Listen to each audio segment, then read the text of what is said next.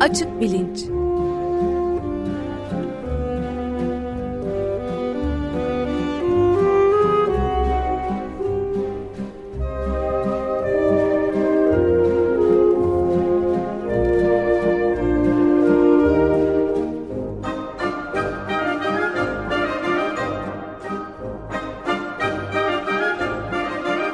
Güven Güzeldere ile bilim ve felsefe sohbetleri. Günaydın Güven Bey, merhabalar. Günaydın Ömer Bey. Günaydın. Günaydın Özdeş.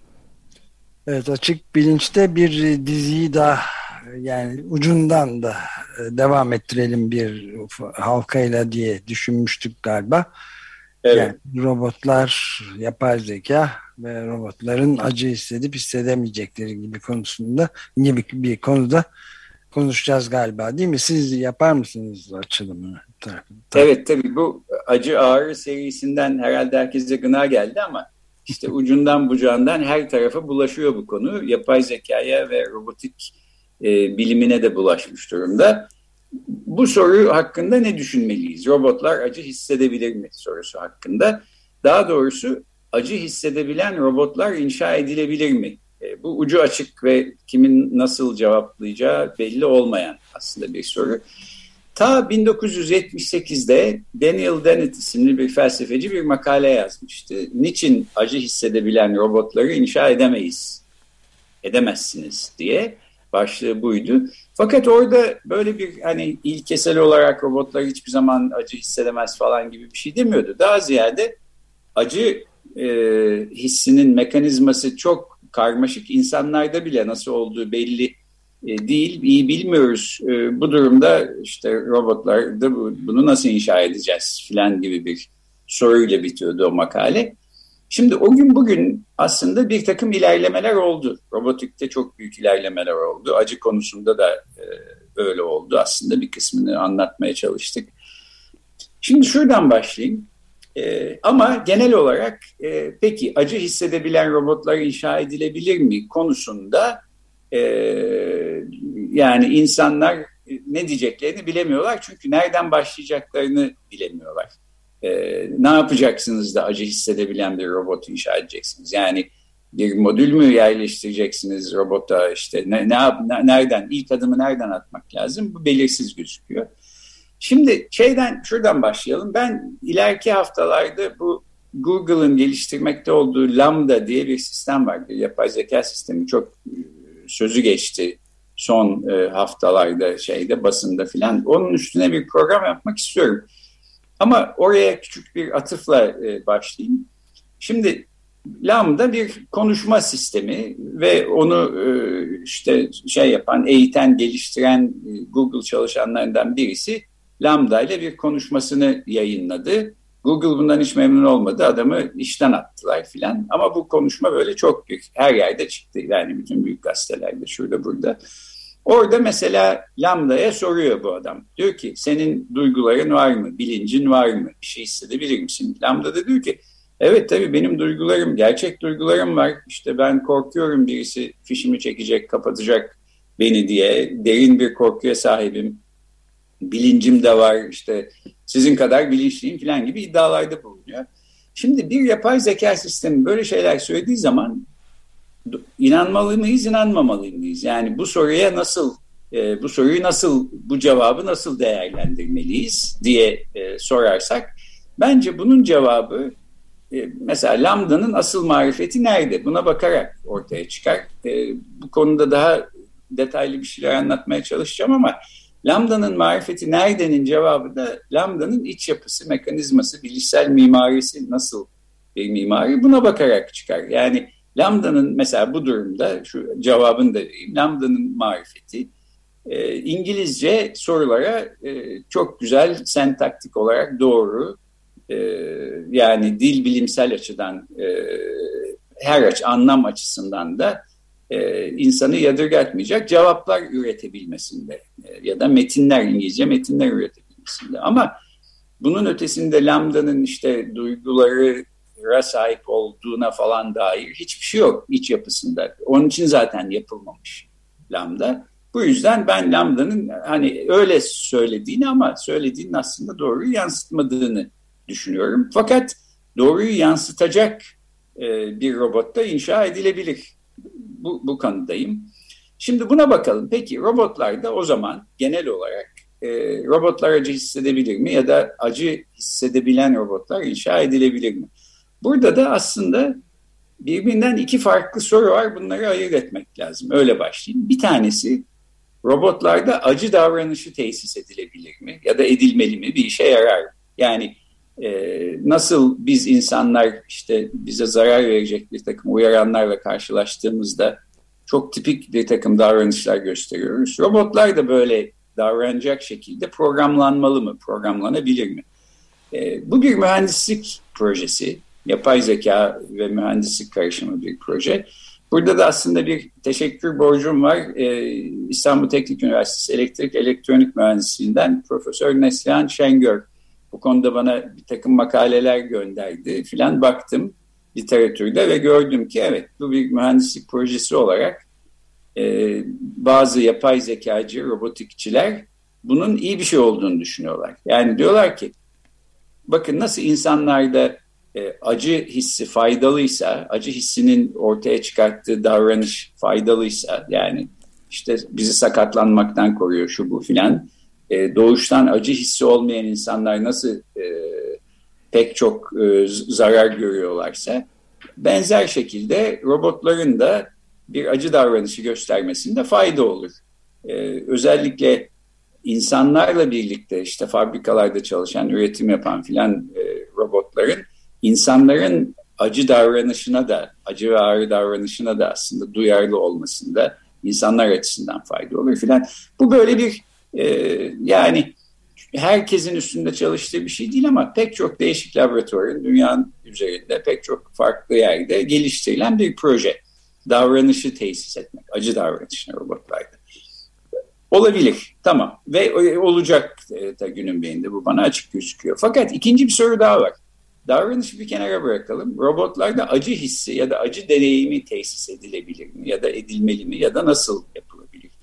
Bu soru daha bir zor bir soru. Mühendislik literatüründe hiç yok. Çünkü mühendisler şöyle diyorlar. Ya robot acı hissetsin hissetmesin bunun ne önemi var? Önemli olan acı hissediyormuş gibi davranabiliyor mu davranamıyor mu? Biz bunu böyle programlarsak e, bizim işimiz bitmiş olur daha ziyade felsefecilerin ilgi alanına giriyor gibi gözüküyor bu acı hissi ve bu konuda da felsefeciler yazıyorlar.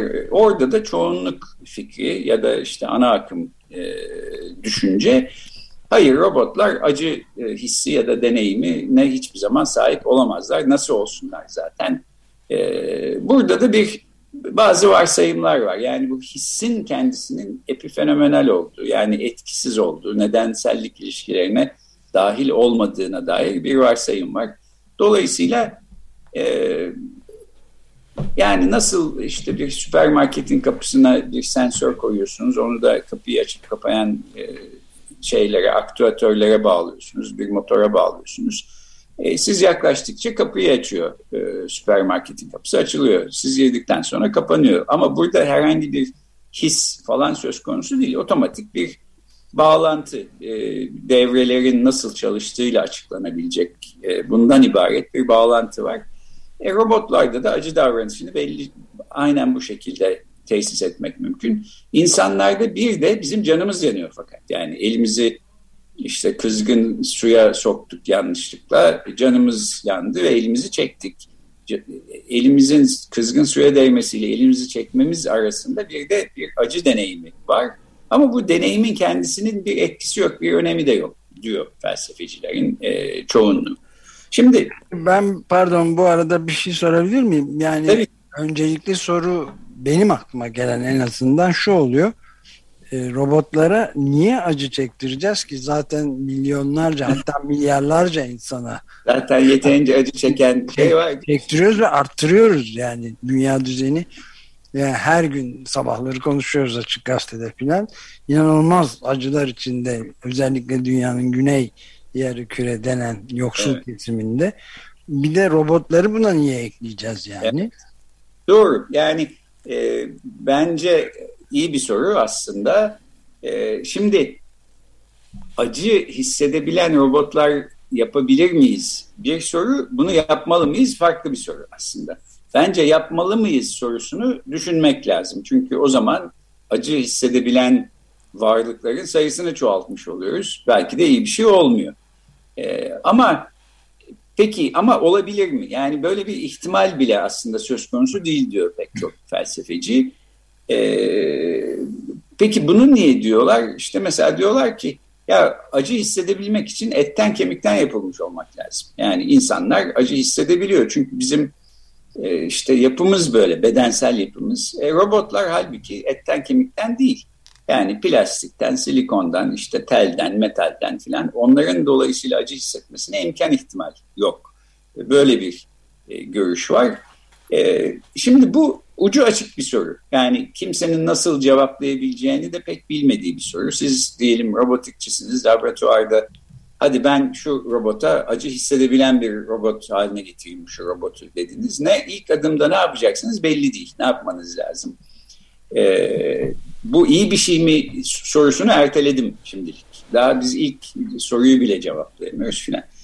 Şimdi burada e, fakat öte yandan şöyle düşünüyorum. Bu acı hissi bana doğada çok yaygınmış gibi geliyor. Yani tek acı çeken canlılar, hissedebilen canlılar biz insanlar değiliz. Bence bütün memeliler öyle. İşte hani böceklerdi, yengeçlerdi bunların e, statüsü belki belirsiz ama e, doğada bu kadar yaygınsa acı hissi, hissedebilme kapasitesi yani bir tek acı davranışı değil e, hissin kendisi, deneyimin kendisi bu kadar yaygınsa bir nedeni olsa gerek. Yani evrimsel bir avantaj sağlıyor olsa gerek.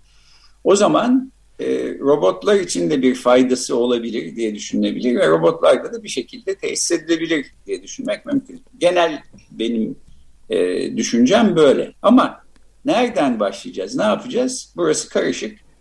Şimdi bir de şöyle bir şey var.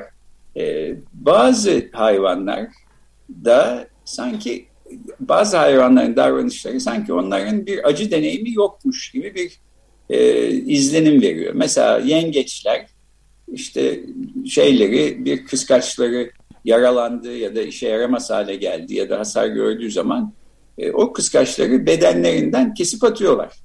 Ototomi deniyor buna. İşte kendi başına, kendi kendine yapılan ameliyat falan anlamına geliyor. Şimdi biz mesela kolumuz sakatlansa ya da felç olsa e ben atayım bu kolu keseyim falan diyemiyoruz. Yani çektiğimiz acıdan dolayı aslında e, bu acı hissi engelliyor. Fakat bazı hayvanları engellemiyor. Yengeçleri ya da örümcekler mesela sekiz bacakları var. Bir bacakları bir yere takıldı gidemiyorlar. E, o bacaklarını bedenlerinden çok rahatlıkla ayırıp devam ediyorlar yollarına. Yedi bacakla. E, şimdi bunun da tabii avantajı var. Çünkü genellikle bacaklarının takıldığı yer mesela başka bir böceğin kıskacı oluyor. Daha sonra bu böcek o kıskacının ucundan işte bir tür zehir zerk ediyor. Örümceği öldürüp yiyor filan mesela. Örümcek dolayısıyla bacağını bırakıp hayatına devam etmeyi tercih ediyor ve bunu yapabiliyor. Biz insanlar ise işte bir uzvumuz hasar gördü diye onu kesip atamıyoruz. Çünkü onun verdiği acı hissinin aslında nedensellik ilişkileri açısından etkili olduğu bir yer var. Yani fenomenal değil. Ben buradan e, hareketle bu konuyu düşünmeye çalışıyorum. Şimdi burada e, acı, acı hissinin bir e, işlevi olduğunu iddia eden felsefecilere fonksiyonelistler ya da işlevselciler deniyor. Daha doğrusu hepsi öyle değil belki ama yani büyük bir kısmı bu işlevselcilerin böyle bir tezi savunuyor. Ve şöyle bir düşünce deneyiyle bunu savunuyorlar. Yani şeye karşı. Ee, şimdi birisi size dedi ki ya bu işte plastikten, metalden yapılma bir robot nasıl acı hissedebilir? Hissedemez yani. Hissetmesi için insan gibi en azından e, organik bir dokuya sahip olması lazım. Buna karşı bu işlevselcilerin getirdiği şöyle bir düşünce deneyi var. Diyorlar ki şimdi işte bizim beynimizde 100 milyara yakın nöron bu nöron, her nöron bir hücre aslında ve çok basit bir şey. Her nöron birbiriyle aynı şeyi yapıyor. Yani bir nörondan öbürüne aslında. Yani nöron grupları arasında farklar var ama aynı grubun içindeki nöronlar arasında bireysel farklar yok. Bir nöron etrafındaki bağlı olduğu diğer nöronlardan gelen sinyalleri topluyor. Bu sinyallerin bir kısmı ateşleyici sinyaller, bir kısmı susturucu, e, baskılayıcı sinyaller. Sonuçta ortaya ya ateşlenecek bir pozitif değer çıkıyor ya işte bastırılacak bir negatif değer çıkıyor. O nöron da bunu kendi bağlı olduğu başka nöronlara iletiyor. Dolayısıyla nöronlar aralarında böyle iletişim kurarak e, işte çalışıyorlar. Şimdi bu 100 milyar nörondan tek bir tanesini siz yapay sentetik bir nöronla değiştirseniz yani böyle bir yapay hücre üretilmiş olsa laboratuvarda ve nöronun yaptığı işin tam aynısını yapıyoruz. Yani işlev açısından aynı işleve sahip olan sentetik bir nöronla bunu değiştirseniz beyninizdeki bir nöronu sizin deneyiminizde bir değişiklik olur mu? Olmaz. Ee, şimdi olur mu? Yani olmaz gibi gözüküyor en azından. Bu yapılmış bir deney değil. O yüzden düşünce değil. Olmaz gibi gözüküyor. Ama olmaz tamam bir şey olmaz tek bir nöronu değiştirmekten dediğiniz anda aslında bir kaygan zemine girmiş oluyorsunuz. Genel çerçeve itibariyle bu kaygan zemin argümanları denen argümanlar var. E, ve daha özel olarak da Sorites paradoksu ya da Sorites açmazı diye bilinen bir işte yine akıl yürütme tarzı var felsefede. Ta antik Yunan'a kadar gidiyor. O, birden orayla karşılaşmış oluyoruz. Bu, bu da nedir? Düşünce deneyine devam edeyim. Tek bir nöronu değiştirdiniz. Deneyiminizde bir değişiklik olmadı. E peki o zaman bir nöronu daha değiştirin. Yani zaten 100 milyar nöronunuz var. İkinci nöronu değiştirmekten ne olacak? Bir şey olmaz. E, evet eğer deneyiminizde bir değişiklik yoksa bir nöron daha değiştirmekle yine olmadı. Ama bunu işte 100 milyon defa yaptınız. E, kafanızda e, organik nöron kalmadı. Hepsi sentetik nöronlara döndü. E, halbuki deneyiminizde hala bir değişiklik yok. Demek ki organik bir malzeme gerekmiyor deneyim olması için. Demek ki robotlar da acı hissedebilir filan diyorlar şeyler, fonksiyonelistler, işlevselciler. Genel düşünce bu. Bu Sorites paradoksundan da biraz bahsedeyim. Ta Milet'ten çıkmış antik Yunan e, döneminden yani 2000 işte 600 yıl e, öncesine filan gidiyor. Şöyle orada da işte bir Sorites öbek demekmiş eski Yunanca'da.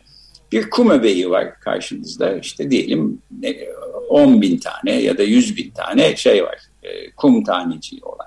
Şimdi bu öbekten siz tek bir kum tanesini e, alsanız öbek öbek olma özelliğini kaybetmiyor. Hala öbek yani e, 100 bin kum tanesi e, içeren bir öbek iken şimdi 99.990 işte 9.999 kum tanesi içeren bir öbeğe dönüştü. Fakat bu çok makul gelecek ilk adımı kabul ettiğiniz anda işte bu kaygan zemine girmiş oluyorsunuz. Çünkü bir daha, bir daha, bir daha, bir daha kum tanelerini ala ala sonuçta ortada hiç kum tanesi olmayan, öbek olmayan bir şeyle karşılaşıyoruz. E ne zaman oldu bu?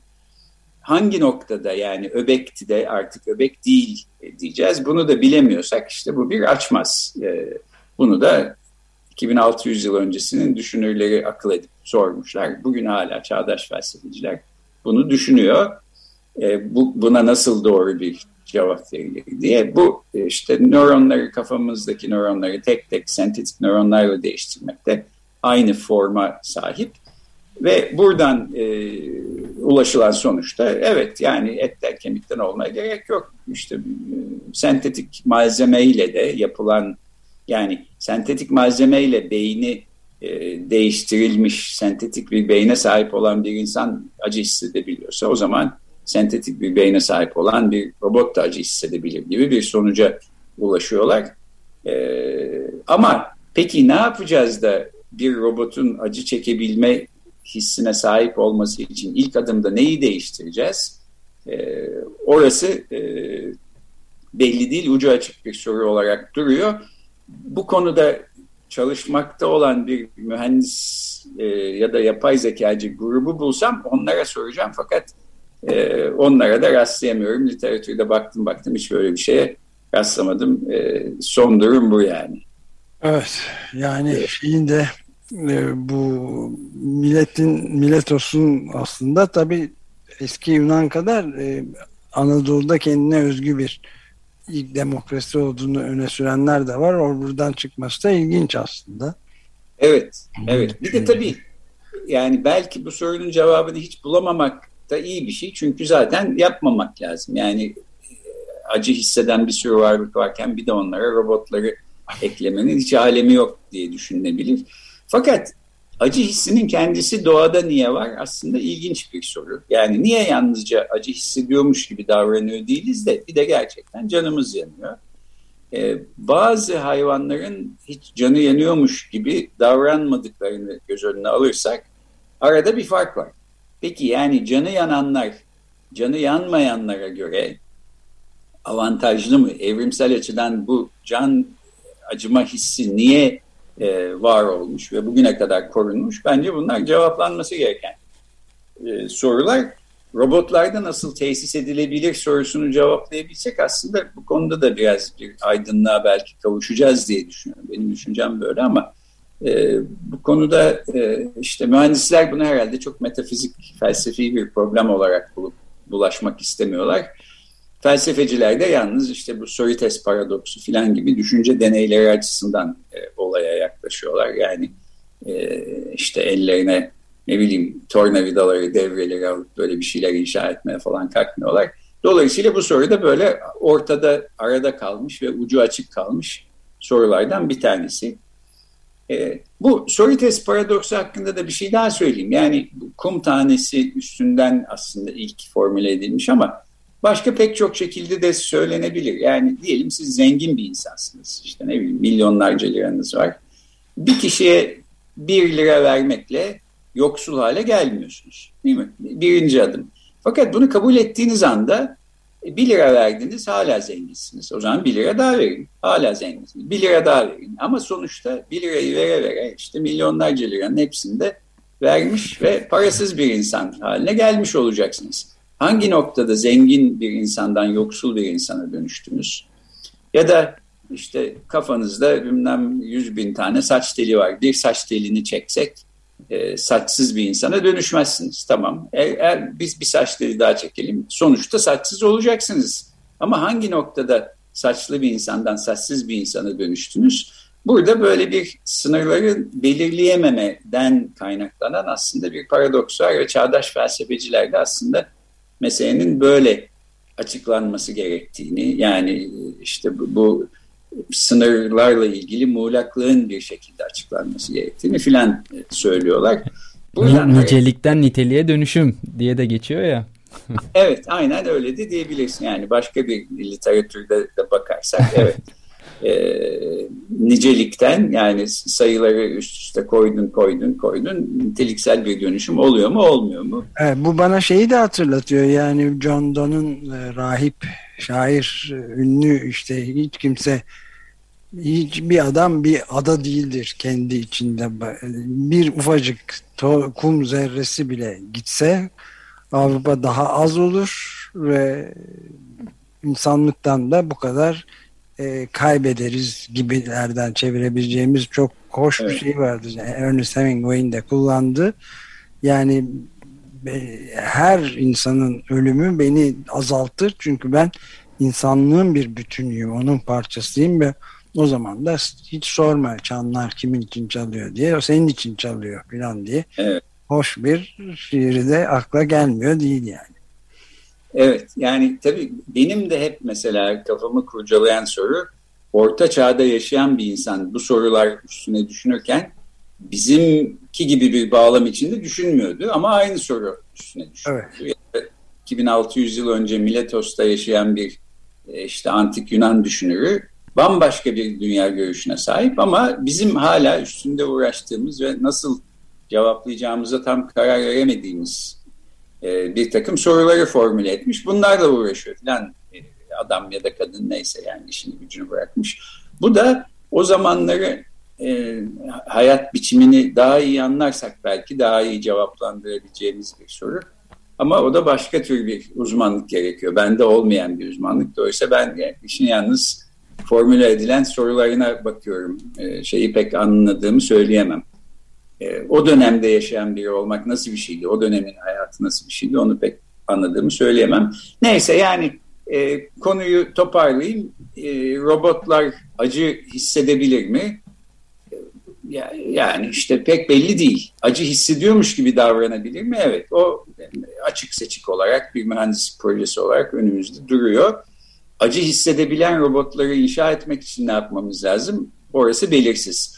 E, bence prensipte evet olabilir. E, doğru bir içsel e, yapı, bir bilişsel mimariyle tesis edilen bir robot e, herhalde acı hissedebilecektir. Çünkü ben insan bedeninin de sonuçta yalnız maddesel şeylerden oluştuğunu düşünüyorum. E, yani etten kemikten olması burada bir önem kazanıyor mu yoksa plastikten silikondan da olabilir mi? Belki olabilir. İşin o kısmı aslında açık bir soru olarak duruyor.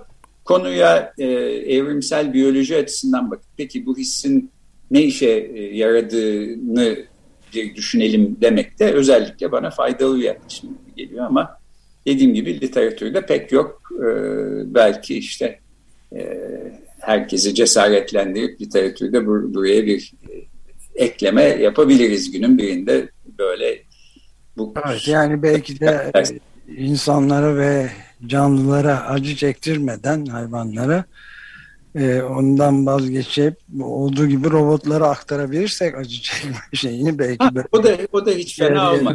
Yani bizim e, ha, tam bu noktada robotlara ya da yapay zeka acı çekme derken geçtiğimiz aylarda böyle ilginç bir e, durum açıklanmıştı. Az bir vaktimiz kaldı gerçi ama belki siz de görmüşsünüzdür Güven Bey. Ee, bir mikrodalga fırına e, yapay zeka e, ve onun bilgisini yükleyen Lucas Risotto isimli kişi yapay zeka tarafından suikaste uğramıştı.